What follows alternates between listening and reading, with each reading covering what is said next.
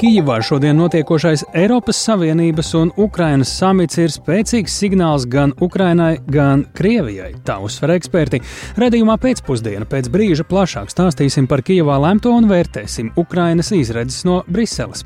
Skolās sāks pārēja uz valsts pārbaudas darbiem tiešsaistē, lai labāk sagatavotos. Tuvākajās nedēļās turpināsies eksāmenu elektroniskie izmēģinājumi. Skolēni pārunās atzinuši, ka plānotā pārēja uz tiešsaistes eksāmeniem vismaz sākotnēji var sagādāt arī papildu uztraukumu un liek uzdot arī dažādus jautājumus.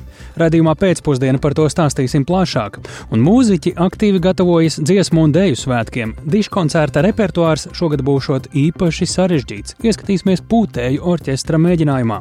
To visu jau pavisam drīz skaidrosim radījumā pēcpusdienā kopā ar mani Tāli Eipuru. 16,5 minūtēs skan pēcpusdienas ziņu programma, skaidrojot šodienas svarīgos notikumus. Studijā tālāk Eipors.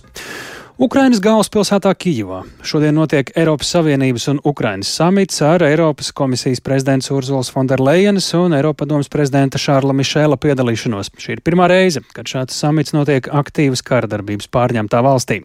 Tikšanās tiek uzskatīta par spēcīgu signālu gan Ukrainai, tās ceļā uz Eiropas Savienību, gan Krievijai. Vēl pirms tikšanās Ukrainas prezidents Volodimirs Zelenskis aicināja nodrošināt konkrētas savas valsts izredzes iestāties Eiropas Savienībā un arī paud ticību, ka Ukraina ir pelnījusi jau šogad sākt iestāšanās sarunas. Par to, kas šodien jau ir zināms un paveikts tikšanās laikā un kā uz to raugās Ukrainā, mums tieši raidē pieslēdzas Latvijas radio korespondenta Kijivā Indra Sprānce. Lūdzu, Indra! Jā, labdien! Patiešām šodien un, un arī vakar jau sākās šis, šis ieradās Eiropas komisijas komisāri un Uh, notiek uh, Eiropas Savienības Ukrainas samits, kas ir patiešām milzīgs uh, notikums pašiem Ukraiņiem un ar arī ļoti liela interesi par to.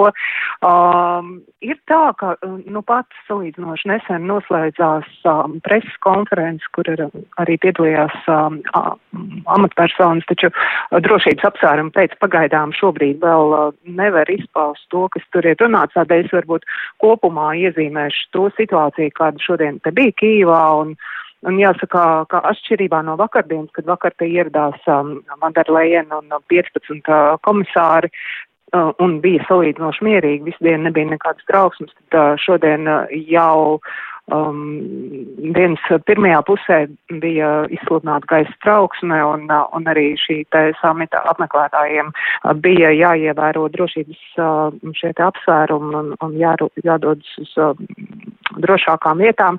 Um, man grūti pateikt, vai tas kaut kādā veidā ietekmēja šo te sarunu gaitu, jo, protams, pavisam klāt mēs nebijām, taču jā, šie, šie te drošības pasākumi bija patiešām arī visu dienas laikā ļoti jūtami.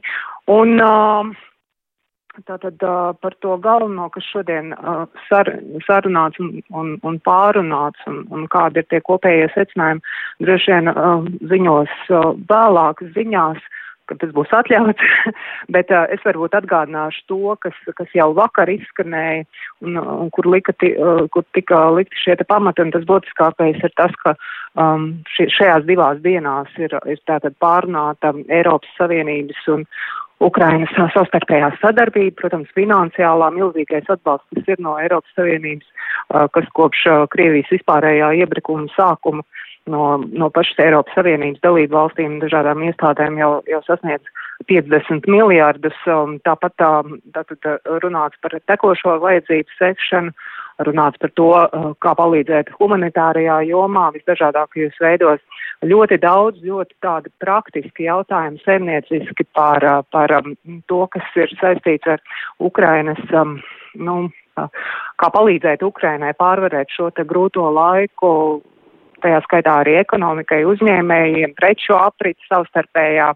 Um, un, un kas ir saistīts ar uh, Ukrainas jau šobrīd uh, tādu nu, ekonomisko uh, integrāciju Eiropas Savienībā. Tā kā šie te visi jautājumi, tāpat ļoti būtiski jautājumi ir par to, kā, pas, kā pastiprināt šīs sankcijas pret Krieviju, kā padarīt tās nu, efektīvā, efektīvākas un Un, un, un arī šī, šīs lietas, un, protams, kara noziegumu iztiesāšana un šo te noziedznieku saukšanu pie atbildības, tie tad varētu būt tādi, nu, galvenā, galvenie punkti. Jā, un, un vēl pavisam liels un, protams, finansiāli ietilpīgs ir jautājums par Ukrainas rekonstrukciju, kas arī ir vesels bloks, kas ietver ļoti dažādas nianses um, un, un kas arī bija protams, darba kārtībā gan vakar, gan arī šodien. Jā, pavisam noteikti neatkarīgi arī no Ukrainas ceļa uz Eiropas Savienību restaurēšanā, atjaunošanā. Eiropas Savienība visticamāk būs ļoti nopietnas partneris. Paldies Indrai Sprancei, tik tālu no Kijivas, Latvijas radio korespondente. Ir skaidrs, saprotams, ka Ukraina un Ukrāņi ar Eiropas Savienību un tās vērtībām saista lielas savas nākotnes cerības un plānus, un te jāatgādina, ka Ukrainai jau kopš pērnā gada jūnija ir Eiropas Savienības kandidāta valsts status, tomēr līdz uzņemšanai par Eiropas Savienības reālu dalību valsti parasti paiet daudzi gadi. Tāpēc mūsu kolēģim Briselē Arķimam Konohovam šobrīd tiešraidē vaicājumi, vai realitāte nevar izrādīties tāda krietni pragmatiskāka uh, un varbūt arī pesimistiskāka, arī iestāšanās process uh, ilgāk lielāks nekā Ukraina varētu vēlēties, Lūdzu, Arķom? Jā, tak tiešām Ukrainas iestāšanās Eiropas Savienībā ir maratons, nevis sprints. Tādu signālu šonadēļ sūtīja Eiropas Savienības budžeta komisārs Johannes Hāns. Viņš eh, visas komisijas vārdā uzstājās Eiropas parlamenta debatēs, eh, kas bija veltītas Eiropas Savienības un Ukrainas amatpersonas sanāksmēm, tātad samitam, kas notiek šodien, un valdības un komisāru tikšanās reizē, kas notika vakar Kīvā. Kā zināms, Ukrainas eh, valdība uzskata, ka tā var divu gadu laikā izpildīt visas prasības, lai pievienotos Eiropas Savienībai. Divu gadu laikā. Tomēr vairums Briseles Briseles politiķi drīzāk liecās piekrist, ka Francijas prezidentam Emanuēlam Makronam šajā ziņā varētu būt taisnība un ka šis process drīzāk aizņems, drīzāk aizņems vairākas desmitgades, nevis dažus gadus. Un arī zaļo grupas deputāti no Vācijas Viola von Krama un Taubadela debatē sacīja, ka ar uzvaru karā vien nepietiek, lai iestātos Eiropas Savienībā. Jā, uh, klausāmies tātad. Pat kara laikā Ukraina cīnās ar korupciju. Šo progresu tagad ir jāsistematizē un desmitkārtīgi jāpātrina. Eiropas sabiedrībām ir jābūt pārliecinātām, ka oligarhi, kas izmanto netīras schēmas, valdības amatpersonas, kas zog no armijas un tiesneši, kas apzog valsti, tiks godīgi un caurskatāmi notiesāti. Mediju brīvību nevar ierobežot pat kara laikā. Deputāti, protams, atsaucās uz nesenajiem korupcijas skandāliem, kura dēļ atkāpās vairākas augsta līmeņa Ukraiņas amatpersonas. Tāli. Jā, Arčom, vai varam sagaidīt, ka Ukrainas gadījumā varētu tomēr būt arī kaut kādas piekāpšanās, iestāšanās ceļā, jo arī kļūšana par kandidātu valsti bija pietiekami strauja, un kā vispār šobrīd ir ar Eiropas Savienības to gatavību uzņemt Ukrainu un vispār arī citas valstis? Protams, par to norit politiskas diskusijas, un ir cilvēki, kas runā par pātrinātu iestāšanos, par kaut kādu atvieglotu iestāšanos, un tos, kas ir kritiskāk noskaņoti, sauc par Krievijas draugiem vai Krievijas politikas, teiksim, Krievijas nostājas izpratnes atbalstītājiem. Tomēr, ja paskatāmies uz to, kā ir gājis citām valstīm, tad mēs redzam, ka tiešām tas nav viegls process, un arī atcerēsimies kaut vai Latvijas iestāšanās ceļu pat bez kara. Tas ir paņprasījis diezgan ilgu laiku ne divus gadus. Un es tomēr domāju, ka nekāda atvieglojuma šeit nav gaidāmi. Ungārijas, Bulgārijas, Rumānijas iestāšanās savā ziņā bija rūkta mācība. Mēs zinām, kādas problēmas tur ir šobrīd ar tiesiskumu, ar korupciju, arī ar demokrātijas lietām, un tamdēļ daudzi Rietumē Eiropā nevēlas neko tādu atkal pieļaut. Ukrainai ir piešķirta, ir piešķirta šis kandidātu valsts status, zināmā mērā cerot, ka nekas konkrēts šajā jautājumā drīzumā nenotiks. Protams, to politiķi pārsvarā nav gatavi atzīt skaļi, bet tāda ir tā sajūta, un tāpēc arī ir izveidota Eiropas politiskā kopiena, kas ir tāda priekštelpa, kurā varētu sadarboties ar visām citām Eiropas valstīm, neapdraudot Makrona vārdiem izsakoties Eiropas Savienības intimitāti. Un, protams, arī pašai Eiropas Savienībai ir jāreformējas. Tostarp jāatsakās no vienbalsīgas lēmumu pieņemšanas. Citādi lēmumu pieņemšanas process ar lielāku valstu skaitu būs vienkārši paralizēts. Un politiski tas ir ļoti, ļoti jūtīgs jautājums. Un, piemēram, Latvija nevēlas atteikties no vienbalsības principa, jo tad šādā gadījumā mazinātos nelielo valstu ietekme blokā, tādas arī kā mūsu valsts.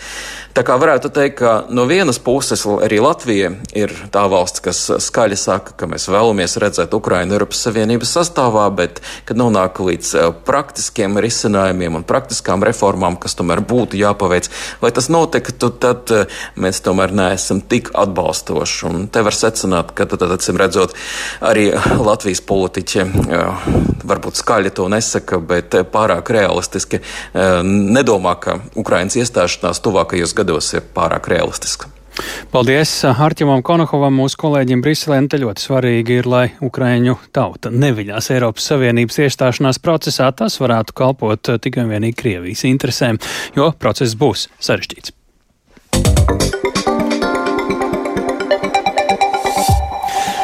Satversmes tiesa ar svinīgu sēdi šodien noslēdz aizgājušo un atklāja jauno tiesu gadu. Pagājušais gads eh, tiesai bija aktīvs, to starp starptautiskajā sadarbībā, bet, lai plašāk stāstītu par satvērsmes tiesas darbu pērnu un kas plānot šogad, studijā pievienojas kolēģe Linda Spundiņa. Saki, Linda, kā satvērsmes tiesā ir aizvadījusi pagājušo gadu, kādus varbūt arī nolēmumus varam izcelt?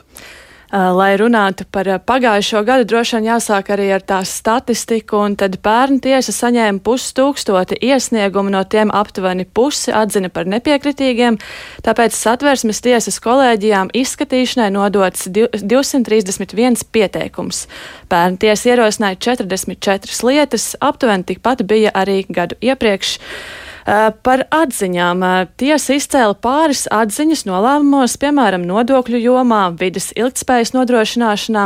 Protams, bija arī Covid-19 atziņas par pandēmijas izraisītajām problēmām, kas skāra sabiedrību. Eh, tāpat par valsts valodas būtisko nozīmi. Izskatot lietu par mantas konfiskācijas atvērsmes tiesa ir norādījusi, ka nedrīkst būt tā, ka noziedzīgs nodarījums kādam var nest augļus. Tas īsumā arī par atziņām, taču vēl par Covid-19 lietām lietām varu minēt, ka, protams, tiesa tās arī saņēma, skatoties uz to, ka bija pandēmija. Un uh, viena no tām ir, ka Covid-19 testa veikšana pirms iebraukšanas Latvijā bija kāds pieteicis šādu te iesniegumu tiesai, un tur tiesas, uh, tiesa nolēma tiesvedību izbeigt, jo pieteicēja tiesības netika aizskārtas, un pārkāpums uh, konstatējums tikai tad, ja valsts ir radījusi tādus nepārvaramus šķēršļus, kas Latvijas pilsoņu tiesības brīvi atgriezties Latvijā padara par neiespējamām. Svinīgajā sēdē piedalījās piedalījās arī Lietuvas Republikas konstitucionālās tiesas priekšsādātāja Danata Jočiena. Viņa norādīja, ka arī Lietuvas tiesa saņēmusi šādus pieteikumus par obligāto vakcinēšanos darba vietās, tostarp arī valsts pārvaldē. Tāpat saņēma pieteikumus par komercdarbības ierobežojumiem saistībā ar pandēmijas drošības pasākumiem vēl citus, kas nozīmē, ka šīs lietas netika skatītas tikai Latvijā, nav tikai Latvijas problēma, bet arī kaimiņu valstī tas ir noticis. Bet vēl par startautisko sadarbību. Satvērsmes tiesai pērn bija jā, aktīvs gads šajā startautiskajā sadarbībā un pasaules konstitucionālo tiesu izveidotajā startautiskajā institūcijā Latvijas, satvērsmes tiesa ir izvēlēta, ievēlēta izpildu institūcijā, kas eh, nozīmē, ka nākamos četrus gadus satvērsmes tiesai būs iespēja noteikt dienas kārtību pasaules mēroga konstitucionālo tiesu organizācijā. Tagad, uh, Laviņa kungs, vai uh, Kas? tālāk? Jā, uh, šobrīd jau mēs paskatāmies uz, uh, uz to, kāds varētu būt arī nākamais gads, jo nu, to jau var savā ziņā prognozēt, nu, vismaz ieskatoties kaut vai tajos pieteikumos, kur šobrīd ir satversmes tiesā un šajā lietu klāstā. Tas ir mans minējums. Jā, tieši, tieši tā jau arī satversmes tiesas priekšsēdētājs jau ieskicēja gaidāmo gadu, un tad varam arī paklausīties Aldi Laviņa sacītajā. Izskatīsim lietu par valsts garantēto minimālo ienākumu sliekšņu apmēru un to pārskatīšanas periodu, par saimnes deputātu pienākumu vakcinēties pret covid-19 infekciju. Tāpat būs lieta par izmaiņām ostu pārvaldes modelī. Dienas kārtībā šogad mums arī ir lieta par izglītības iegūšanu tikai valsts valodā privātajās izglītības iestādēs būs izskatīšanā lieta par pienākumu pašvaldībai par saviem līdzekļiem demontēt padomu režīmu slavinošus objektus. Jā, būs arī lieta par jautājumu, kas attiecas uz zemes lietošanas tiesībām un šādu tiesību izmantošanas maksu. Un tiesai priekšā arī divas lietas saistībā ar pašvaldību ministra pieteiktiem lēmumiem apturēt gan ķekavas novada domas pieņemto lēmumu, ar kuru pašvaldībā aizliegts organizēt azartspēles, un vēl viena lieta attiecībā uz Rīgas pašvaldību saistošiem noteikumiem par Rīgas teritorijas izmantošanu un apbūvi. Nu jā, neapšaubām viens no tādiem aktuālākajiem tematiem eh, pēdējā laikā, kas bijis saistīts ar satvērsmes tiesu, ir tas, kā saima pilda satvērsmes tiesas spriedumus, īpaši dažu atsevišķu, un pēdējā laikā uh, ir apspriests tieši parlamenta kūtrums vai nevēlēšanās vai saudabīgā pieeja satvērsmes tiesas uh, spriedumu pildīšanā. Jā, protams, runājot par satversmes tiesu un arī nolēmumiem, ir, protams, svarīgi, vai tie tiek pildīti. Un te gan ir jāieskicē, ka satversmes tiesai nav funkcijas, lai norādītu kādam, kas ir jādara attiecībā uz spriedumu izpildi vai kas nav. Tā vērtē normas no tiesiskā viedokļa, vai tās nepārkāpja valsts pamatlikumu, bet tiesas priekšādātājs norādīja, ka tiesas seko līdz tam, kā norisinās pieņemto lēmumu izpildi. Ir veikts pētījums, kā ir veicies satversmes tiesas spriedumu izpildu un secināts, ka Latvijā liela problēma ar to nav.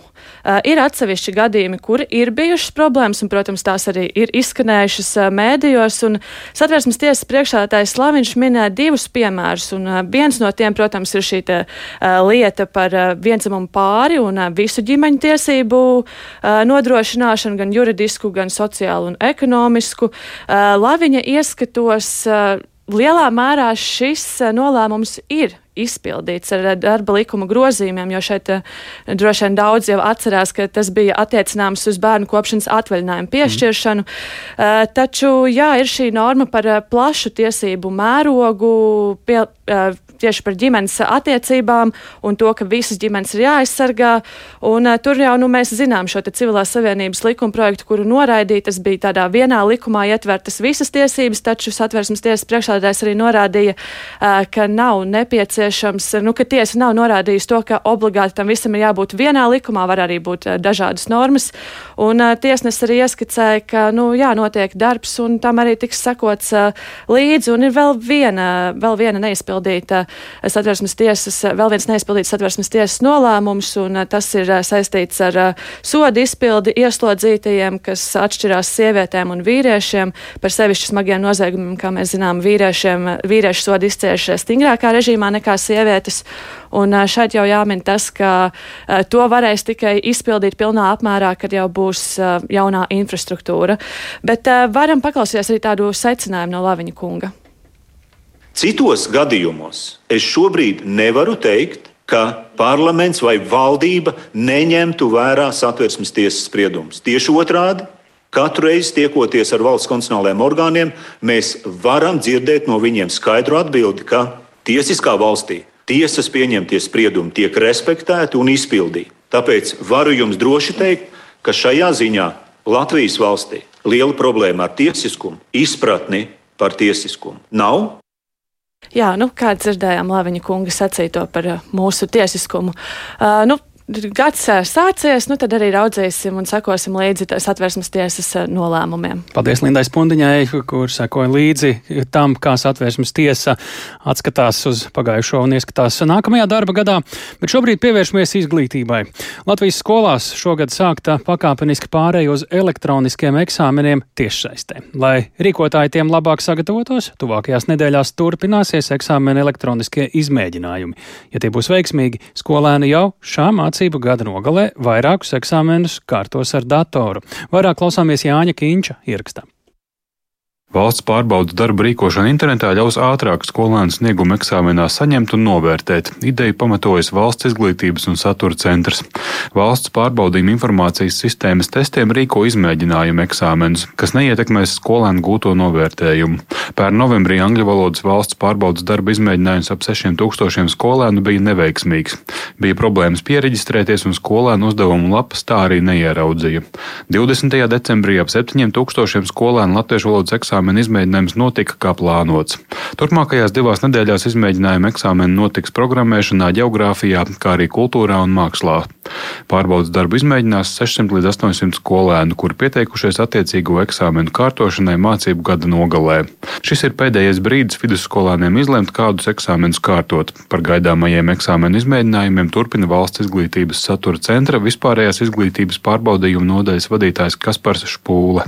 Tas pats svarīgākais, kāpēc ir šie eksāmeni, jo šajos eksāmenos noteikti ir nepieciešams dators. Ja? Nu, programmēšana bez datora mēs nevaram neko saprogrammēt. Kultūra un mākslā skolēni klausās uh, audio ierakstus, skatās video. Tas būtu nepieciešams, lai to darītu katrs savā laikā, savā tempā, jo tie jautājumi saistīti ar to, viņš būs izvēlējies, kuru mākslu. Un, attiecīgi, geogrāfijā ir eh, jauninājums tas, ka jāizmanto ir eh, GIS geogrāfijas informācijas sistēma, ko arī skolās tagad sāk apgūt. Ja, tas nozīmē, ka arī te bez datora mēs netiekam. Izmēģinājumu eksāmenam kultūrā un mākslā cītīgi gatavojas arī Rīgas kultūra vidusskolā, kurā eksāmenu pildīs 56 skolēni. Tas liek gatavoties arī dažādiem tehniskiem izaicinājumiem, norāda Rīgas kultūra vidusskolas direktora vietnieks izglītības jomā Mārtiņš Bērziņš ir prasība valsts pārbaudas darbā, ka starp datoriem ir jābūt eh, divu metru distancei kādai ir jābūt telpai kaut vai 56 skolēniem, un mums nav tās lielākās 12. klases. Skolēni pārunās atzinuši, ka plānotā pārēja uz tiešsaistes eksāmeniem vismaz sākotnēji var sagādāt arī papildu uztraukumu un liek uzdot arī dažādus jautājumus. Ja tu raksti uz lapas, pēc tam ieliec aploksnē un aizgādā, un tad ir kaut kāda garantija, ka nekas nepazudīs, bet, ja, piemēram, es 3-4 stundas strādāju tiešsaistes vidē, risks ir, ka var pazust, jā. Vēl arī ir uh, moments, ka viens, piemēram, spēj ātrāk rakstīt uz papīra lapas, cits ātrāk rakstīt datorā. Ja tā ir latviešu valoda, vai mums šo datoru prasmi tur vajag pārbaudīt, un cik liels tur ir tas risks proporcionāli no tā darba, ja es, piemēram, ļoti lēnu rakstu, ka es dabūšu zemāku vērtējumu. Izvērtējot izmēģinājumu eksāmenu norisi, Valsts izglītības un satura centrs līdz februāra beigām izlems par šo eksāmenu rīkošanu elektroniskajā vidē. Iestādē arī sola, ka valsts pārbaudījuma informācijas sistēmu uzlabos, ņemot vērā skolēnu un pedagoģu norādes aptaujās. Jānis Kincis, Latvijas Radio.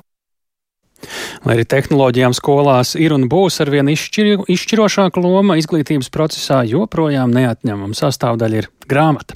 Cieņā un pateicībā par skolā gūtajām zināšanām akcijas draudzīgais aicinājums atbalstītāji, izdevēji, uzņēmēji, politiķi, citi sabiedriski aktīvi cilvēki dāvina grāmatas pašu izvēlētām mācību iestādēm. Dāvināšana ir īpaši emocionāla, ja atbalsts ir sniegts savai bijušajai izglītības iestādēji. Par to, kā notiek grāmatu dāvināšana un ar ko akcija šogad atšķiras no citiem gadiem, plašāk Agnijas Lāsdeņas reportāžā. Akcija draudzīgais aicinājums aizsākusies ar neatkarīgās Latvijas prezidenta Kārļa Ulmaņa 1935. gada aicinājumu reizi gadā atbalstīt Latvijas skolas, dāvinot grāmatas un mākslas darbus, kas celtu kultūras līmeni mācību iestādēs un sabiedrībā. Kā stāsta izdevniecības Jumava vadītājs Juris Visockis, pirms desmit gadiem tradīcija atjaunota, piesaistot arvien vairāk gan skolas, gan atbalstītājus. Kad atbalstītāji izdomā, kurām grib, tad uh, mūsu lieta ir nogādāt. Kādreiz varbūt arī pat rīkojam vēl pasākumu tajā skolā. Nu, dažādi bijis. Un, nu, šīs grāmatas, kas tieši domāts vidusskolniekam, viņas uh, mēs turpinām dāvināt skolā. Un ļoti ceru, ka tas noderēs bērniem. Akcijas atbalstītāji arī paši izvēlas, kādas grāmatas dāvinās, piemēram, daļliteratūras, biogrāfijas vai arī vēstures. Šogad grāmatas pasniegtas vairāk nekā 20 dažādām Latvijas skolām. Rīgas valsts vācu ģimnāzijas 12. klases skolniece Elīza Beta piedalās akcijas organizēšanā. Ir šī paudžu sasaiste, ka tie, kuri jau pabeidz, dod kaut ko atpakaļ skolai un arī skolotājiem un jaunākajām paudzēm. Nav tā, ka vienkārši absolvents pabeidz skolu, aizmirst, bet arī pēc tam atgriežas. Un ka arī ir iespēja izpausties tiem, kuri vēlas izpausties radoši, rakstot un tikt novērtētiem. Grāmatas dāvinātas arī ukraiņu valodā valodā, lai sniegtu atbalstu skolēniem, kas ieradušies no Ukrainas un uzsākuši mācības Latvijā. Viņam arī tie, kas ir pašlaik Latvijā, drošībā viņam arī vajag palīdzību, atbalstu arī grāmatziņā, jo tā nav tomēr tā ikdienišķā lieta, ko viņi var atļauties. Un tad viņiem ir tāds maziņš prieciņš, ka tomēr viņiem ir tā mazā papildus lietiņa. Par godu akcijai pirmo reizi rīkot arī divi eseju konkursi - latviešu skolēniem par tēmu Meža papīrs grāmata, koks kā atjaunojums resurs, taču otrs ukraiņu bērniem par tēmu Miers mūsu mājās. Turpina Rīgas Ukraiņu vidusskolas desmitās klases skolniece un Ukraiņu eseju konkursa laureāte Darija. Jā, uzreiz zināju, ko gribu rakstīt. Jo es katra konkursā, kā kaut ko jāraksta, es piedalījos. Darija savu eseju rakstīja latviešu valodā par karu Ukrainā, ko viņa par to domā un jūt par savu ģimeni, radiniekiem un kas ir jādara, lai pēc iespējas ātrāk Ukrainā būtu miers. Man ir jauki, bet es negaidīju, ka es uzvarēju. Cīm redzot, tos darbs ir aizkustinājis. Varbūt, nezinu, skolotāja teica, ka viņš ir labs. Savukārt starp latviešu skolēniem apbalvoti pieci labākie eseju autori no dažādiem Latvijas reģioniem - Engures, Viesītes, Ogres, Rēzeknes un Rīgas. Agnija Lazdiņa, Latvijas radio. Tik tālu par draudzīgu aicinājumu. Rīgas pilsēta savukārt lūdz saimnu piešķirt pašvaldībai tiesības uzraudzīt un regulēt elektroskrējriteņu lietojumu pilsētā. Šis būs viens no tematiem, par ko radījumā pēcpusdienu plašāk pēc brīža.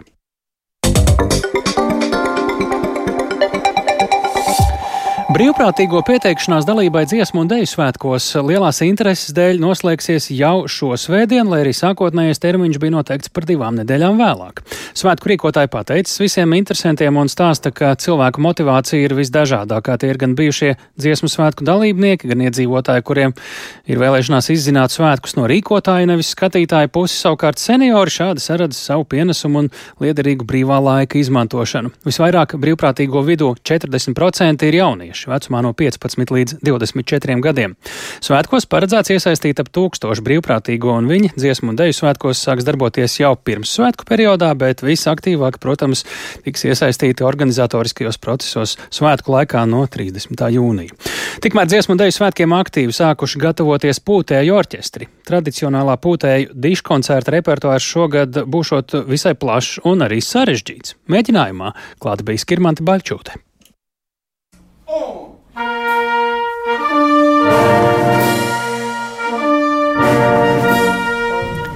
Šogad pūtēju diškoncertā piedalīsies 60 orķestri no visas Latvijas. Kopumā tas pulcēs pusotru tūkstoti mūziķu, stāsta mākslinieckā vadītāja asistents diriģents Tomas Kokamegi. Tas sākotnējais uzstādījums mums ir iekļauties trīs stundās. Mēs esam bijuši čakli un esam iekļāvušies divas ar pus stundās. Skaņdarbi ir paredzēti 24 kopumā.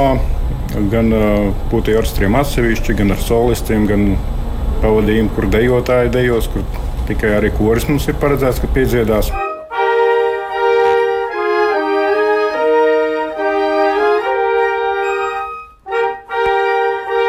Diškoncerta nosaukums - Laiks iet pāri. Tam ir divas nozīmes. Gan tāda, ka dažādi vietēji un pasaules notikumi iet Latvijai pāri, gan arī, ka tautai ir pienācis laiks tikt tam visam pāri un iet uz priekšu, skaidro režisore Elīna Apsītē. Mēs izējām cauri patiesībā ļoti plašam, lielam.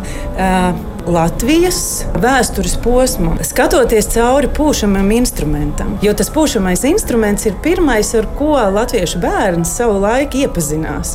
Tas bija pirmais veids, kādā viņš radīja mūziku. Nu, varētu teikt, ka viņš dziedāja, protams, bet gan uz zēni taču vienmēr ir maukuši stabulītes.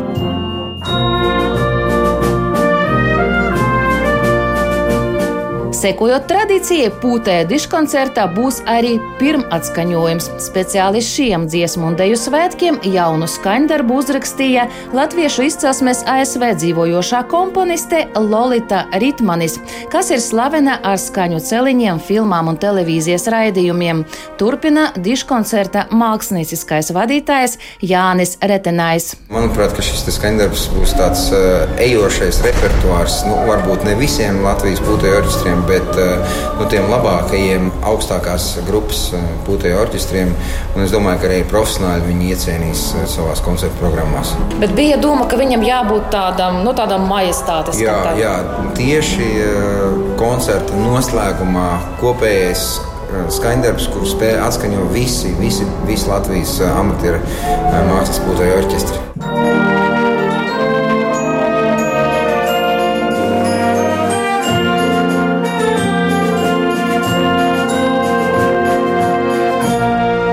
Skirmante Baļķūte, Latvijas radio. Dzirdējām nelielu daļiņu no tā, kas iespējams skanēs kādā no lielajiem koncertiem, bet Par sportu runājot, Latvijas pārbobslējas Cārtūrs Klots kļūs par pasaules vicečempionu. Čempionu kļuva austrietis Hermans Elmauers, bet otrs Latvijas pārbobslējas Calvils Brāns ierindojās 14. vietā. Klots Sanktmorits trasē pēc pirmajiem braucieniem nemaz nebija uh, tuvu medaļai, skatās vietu izteiksmē un pakāpeniski, sākot no septītās, pēc tam jau pakāpjoties uz piekto vietu un augstāk, pēc četriem braucieniem aizsniedzās līdz sudraba medaļai. Arturs Klots šogad kļuva arī par Eiropas čempionu čempionu un ir arī 2017. un 2018. gada pasaules čempions. Sportists eh, īsā sarunā ar Latvijas radio dalījās savās pārdomās par aizvadīto čempionātu Šveicē. Līdz trešajai vietai jau nebija tik tā, ka tā otrā vieta un pirmā vieta bija tālu, bet līdz trešajai vietai mēs jau saņemties un tad varēja. Tur pa trešo vietu mēs jau domājām, bet neviens jau nedomāja par to otro vietu. Vakar varbūt lielāks stress bija vienkārši. Tur pirmo reizi tur pa to televīziju viss rādīs. Un tad tie pirmie divi braucieni tādi nebija baigi labi. Pirmais brauciens vispār bija tāds katastrofa. Un no otrais bija labāks bija nekā pirmais. Bet šodien, protams, tas trešais brauciens bija ļoti labs. Un ceturtais tāds nu, nebija baigi labs. Bet nu, vienkārši pārējiem sliktāk sanāca nekā manā. Mēs tur baigi kamanās nedrīkstam neko darīt. Mums tur ir mehāniķi brigāde, kas viņi tur no IBSF, kas to dara. Un viņi mums to visu sadara. Un tad uh, mums ir lielākais atkarīgs, kā tas tur stūrē un kāda ir tā fiziskā sagatavotība.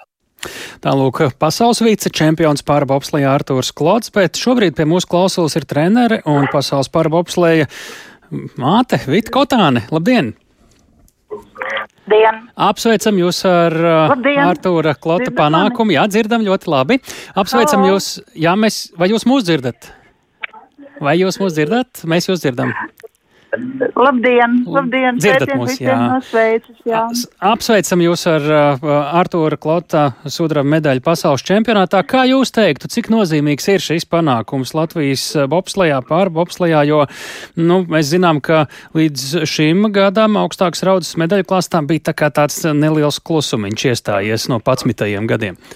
Jā, paldies par sveicienu, paldies par apsveikumu. Mēs esam ļoti priecīgi. Nu, šis ir ļoti, ļoti labs panākums.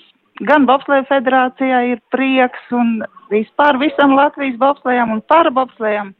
Mums bija svarīgi parādīt, ka mēs esam tikpat labi un pat vēl labāki un iekļaujamies lielajā bobslējas saimē absolūti ar tādu pašu sacensību intrigu un, un tādu pašu azartu un tikpat, me, un tikpat meistarīgi izbrauktām virāžām. Nu, tas bija svarīgi, un svarīgi tas bija arī tāds solis pretī iekļaušanai Paralimpisko spēļu programmā Kortinas spēlēs. Jā, jo bija tāda zināma vilšanās eh, attiecībā uz iepriekšējām ziemas spēlēm par eh, to, ka bija cerības uz šo sportu veidu olimpiskajā programmā, bet tas tā arī nepiepildījās.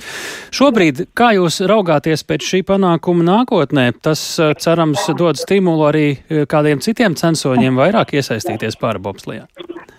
Nē, nu, protams, mēs priecājamies, ja šis skaistais sports veids patīk arī citiem, un, protams, gaidam, lai kāds no Latvijas mm, cilvēkiem arī kustību traucējumiem piesakās mūsu rindās un nāk mēģina un pamēģina, ko tas nozīmē bobslēs. Tas nav viegli, tā nav nekāda bērnu spēle. Bet, nu, redziet, var, ja grib. Tas ir īsts sports, eh, īstāks nekā mēs spējam iedomāties. Eh, mēs ļoti ceram, ka šādus panākums eh, novērtē arī valsts ar kādu prēmiju. To mēs esam pieredzējuši. Un, protams, tas vienmēr ir bijis plaša diskusija jautājums, bet tas arī, cerams, dos atspēju, zinot, cik dārgs ir bobslēs. Ah, nu, par prēmijām vienmēr būtu prieks lai tik, kā jau var samaksāt, mēs labprāt saņemtu. Kādi ir turpmākie? Kādi ir turpmākie plāni, jo Arturs Klots jau ir pietiekami pieredzējis bobslēja pilots, kāda, kādu jūs redzat šobrīd Latvijas pārbobslēja pārskatāmo nākotni, jo mums ir arī otrs uh, labs pilots, Alvils Brants. Uh, abi viņi ir ļoti labi, un Alvils arī Eiropā bija ceturtais, tas ir vienkārši lielisks rezultāts, un, um, nu, ko es varu teikt, nu, pieredze ir jāliek lietā, jo mēs jau mācāmies no kļūdām, mācāmies no neveiksmēm.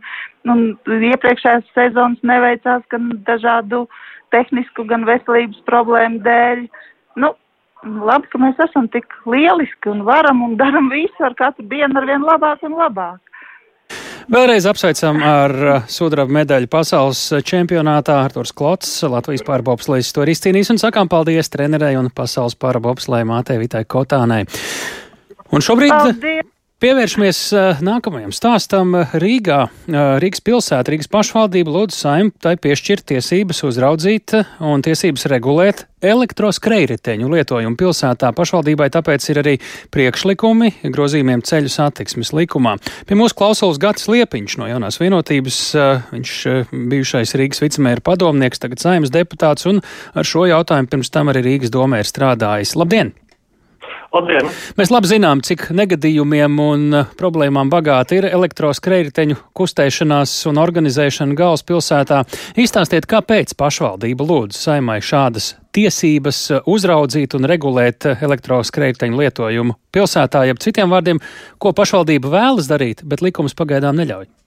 Mm -hmm. Mēs redzam, ka tiešām pasaule strauji mainās un attīstās no šie pārvietošanas paradumi, un Latvija tam nav izņēmums. Un, uh, pēdējo piecu gadu laikā ir ienākuši jauni, jauni pārvietošanas rīki, kur, kur, par kuriem mēs agrāk pat uh, tik labi nezinājām. Un, daudz klātienē nebijām redzējuši. Jā, tā, to mēs visu labi zinām, uz priekšu skatoties jā. par šo likumu Protams, un pašvaldības jā. iespējām. Nu jā, Un, un siltajos mēnešos ir braucēji pilnas ielas un uh, ir liels traumatisms, veidojās konflikti starp ceļu satiksmes dalībniekiem un uh, problēma ir samilzus ne tikai Rīgā, bet arī citās Latvijas pašvaldībās. Un tad, lai veicinātu šo drošību un uh, kārtību uz ielām, sadarbībā ar Rīgas domi esam uh, iesnieguši priekšlikumus ceļu satiksmes uh, likumā, kā jau minējāt, lai pašvaldībai būtu tiesības regulēt un uzraudzīt elektroskrētiņu lietojumu pilsētā. Tā tas ir arī daudz viet pasaulē, un, un šie grozījumi paredz ka pirmkārt tiks izveidotas izvietošanas un lietošanas aizlieguma zonas skrējteņiem, tāpat tās arī komersantiem pašvaldības varēs izsniegt nu, licences, Eh, tās anulēt vai apturēt uz, uz, uz laiku par kaut kādiem pārkāpumiem. Jā. Eh, tāpat tās eh, tiks beidzot ieviest, jo likumā iepriekš nebija paredzēts, ka var kontrolēt elektroskrēditiņā ātrumus, un būs jābūt arī vadīšanas tiesībām, jebkuras kategorijas. Derēs arī, piemēram, velospēdu vadītāju apliecību. Tādējādi mēs novērsīsim, ka ar elektroskrētiņiem brauc cilvēki, kuriem nav pilnīgi nekādas izpratnes par ceļu satiksmes notiekumiem.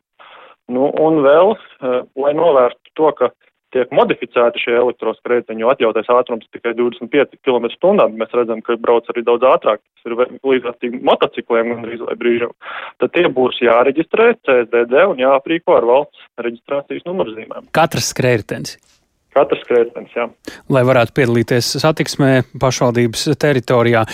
Šis būtu visā Latvijā noteikts, vai katra pašvaldība tad varētu pieregulēt pie saviem noteikumiem tās tiesības? Uh, nu, attiecībā, attiecībā par, par, par to reģistrāciju domāts ir, ka tas ir jau visā Latvijā, jo nu, ceļu satiksmes noteikumi jau svarīgi ir jebkurā vietā Latvijā. Uh, bet attiecībā par šīm lietojumu zonām, nu, tur jau, protams, katra pašvaldība labāk zina un redz to problēmu eh, un, un šīm te eh, komersantu licencēm, nu, tad tur šajos gadījumos pašvaldības būtu tās, kas, tās, kas izlēmtu savā teritorijā vai, vai kādu īpašu regulējumu vai nē. Tad šīs Protams, at... Jā. Es, es vēl, un vēl, kas ļoti svarīgi, arī tiks paplašināts pašvaldības policijas tiesības uh, kontrolēt satiksmi. Ja šobrīd pašvaldības policija varēja tikai apturēt un aizrādīt, un pa pārkāpumu viņiem bija jāgaida valsts policijas ierašanās, tad uh, šobrīd tā vairs nebūtu, ja, ja tiks pieņemts šie grozījumi. Tad šis attiecas uz visplašāko uh, personu subjektu loku, gan uz uzņēmējiem, gan uz vienkāršiem braucējiem, kur nevis tikai nomā, bet ar brauc ar saviem skrējteņiem. Vai grozījumu būtībai un detaļām piekrīt arī šie uzņēmēji? Varbūt ir arī kādas uh, nevalstiskas organizācijas, kas, kuras paši brauc ar šiem skrējriteņiem, policija, cik šis ir izdiskutēts, vai arī tas vēl priekšā? Mm -hmm. Uh, diskusijas jau bija iepriekšējā saimā, un vienkārši iepriekšējā saima nepaspēja pieņemt uh, grozījumus, kurus pašvaldība bija aicinājusi pieņemt. Bet mainoties saimām, tika arī uzlaboti šo priekšlikumu izdiskutēt starp, gan starp eh, CSDD, gan starp iekšlietu ministriju un Rīgas domi, eh, gan arī tika pieaicināta mikromobilitātes asociācija, protams, kaut kādi viedokļi varbūt atšķirās, ja, bet uh, nu, mums ir, mēs, mēs uzskatījām, ka ir jāvirzās uz priekšu, jo, jo, jo, jo ir ir komersanti, kuri jau pašlaik sadarbojas ļoti labi ar Rīgas domu, bet ir, ir komersanti, kuri, diemžēl, nu, tā sadarbība varētu būt labāka. Ko cilvēki, iedzīvotāji, kur varbūt paši ir nebraucis, vai vienkārši pašvaldību iedzīvotāji, kas būtu pirmais, ko pamanītu pēc šiem grozījumiem pilsētu ielās? Es domāju, ka pirmais, ko noteikti pamanīt, ir tas, ka šobrīd eh, problēma tāda, ka gan Rīgas centrā, gan arī mikrorajonos šobrīd elektroskrētiņi tiek nomesti, kur pagadās. Un, eh, un, un, un faktiski eh, tas traucē gājēju kustību, māmiņas ar ratiņiem nevar izmanevrēt vai cilvēku kustību traucējumiem, un tas būtu pirmais, ja tiktu no, izveidot šīs stāvēšanas zonas, eh, tad nu, šajā lietā būtu daudz lielāka kārtība un, un tas arī izskatītos pieklājīgāk. Un arī ātrums tās noteikti. Protams, jā, un ātrums tāds arī tad eh, būtu iespējas eh, beidzot arī to kontrolēt, lai arī mēs zinām, kā mums ir cilvēku resursiem policijā, bet nu, vismaz atbildība par to beidzot tiktu noteikti, kas līdz šim nav noteikti. Sakām lielu paldies! Sarunājāmies ar Gatu Liepiņu no jaunās vienotības bijušo Rīgas vicemēru padomnieku, tagad saimas deputātu, runājot par to, ka Rīga lūdz saimu piešķirt pašvaldībai, vispār pašvaldībām tiesības uzraudzīt un tiesības regulēt elektroskrējriteņu lietojumu pilsētā. Šī bija piekdienas eh, programma pēcpusdiena. Ar jums sarunājās Tālis Eipurs, raidījumu veidoja arī Ilza Agīnta, Renāša Steimanis, Rita Kārnača un, protams, atgādinām, ka raidījumu varam klausīties arī raidierakstu platformās, un vislabāk pēc tā meklēt ir Latvijas radio mobilajā lietotnē, ja vēlties to vai nu noklausīties atkārtot, vai arī ieteikt kādam citam. Mēs tiekamies atkal pirmdien! Yeah.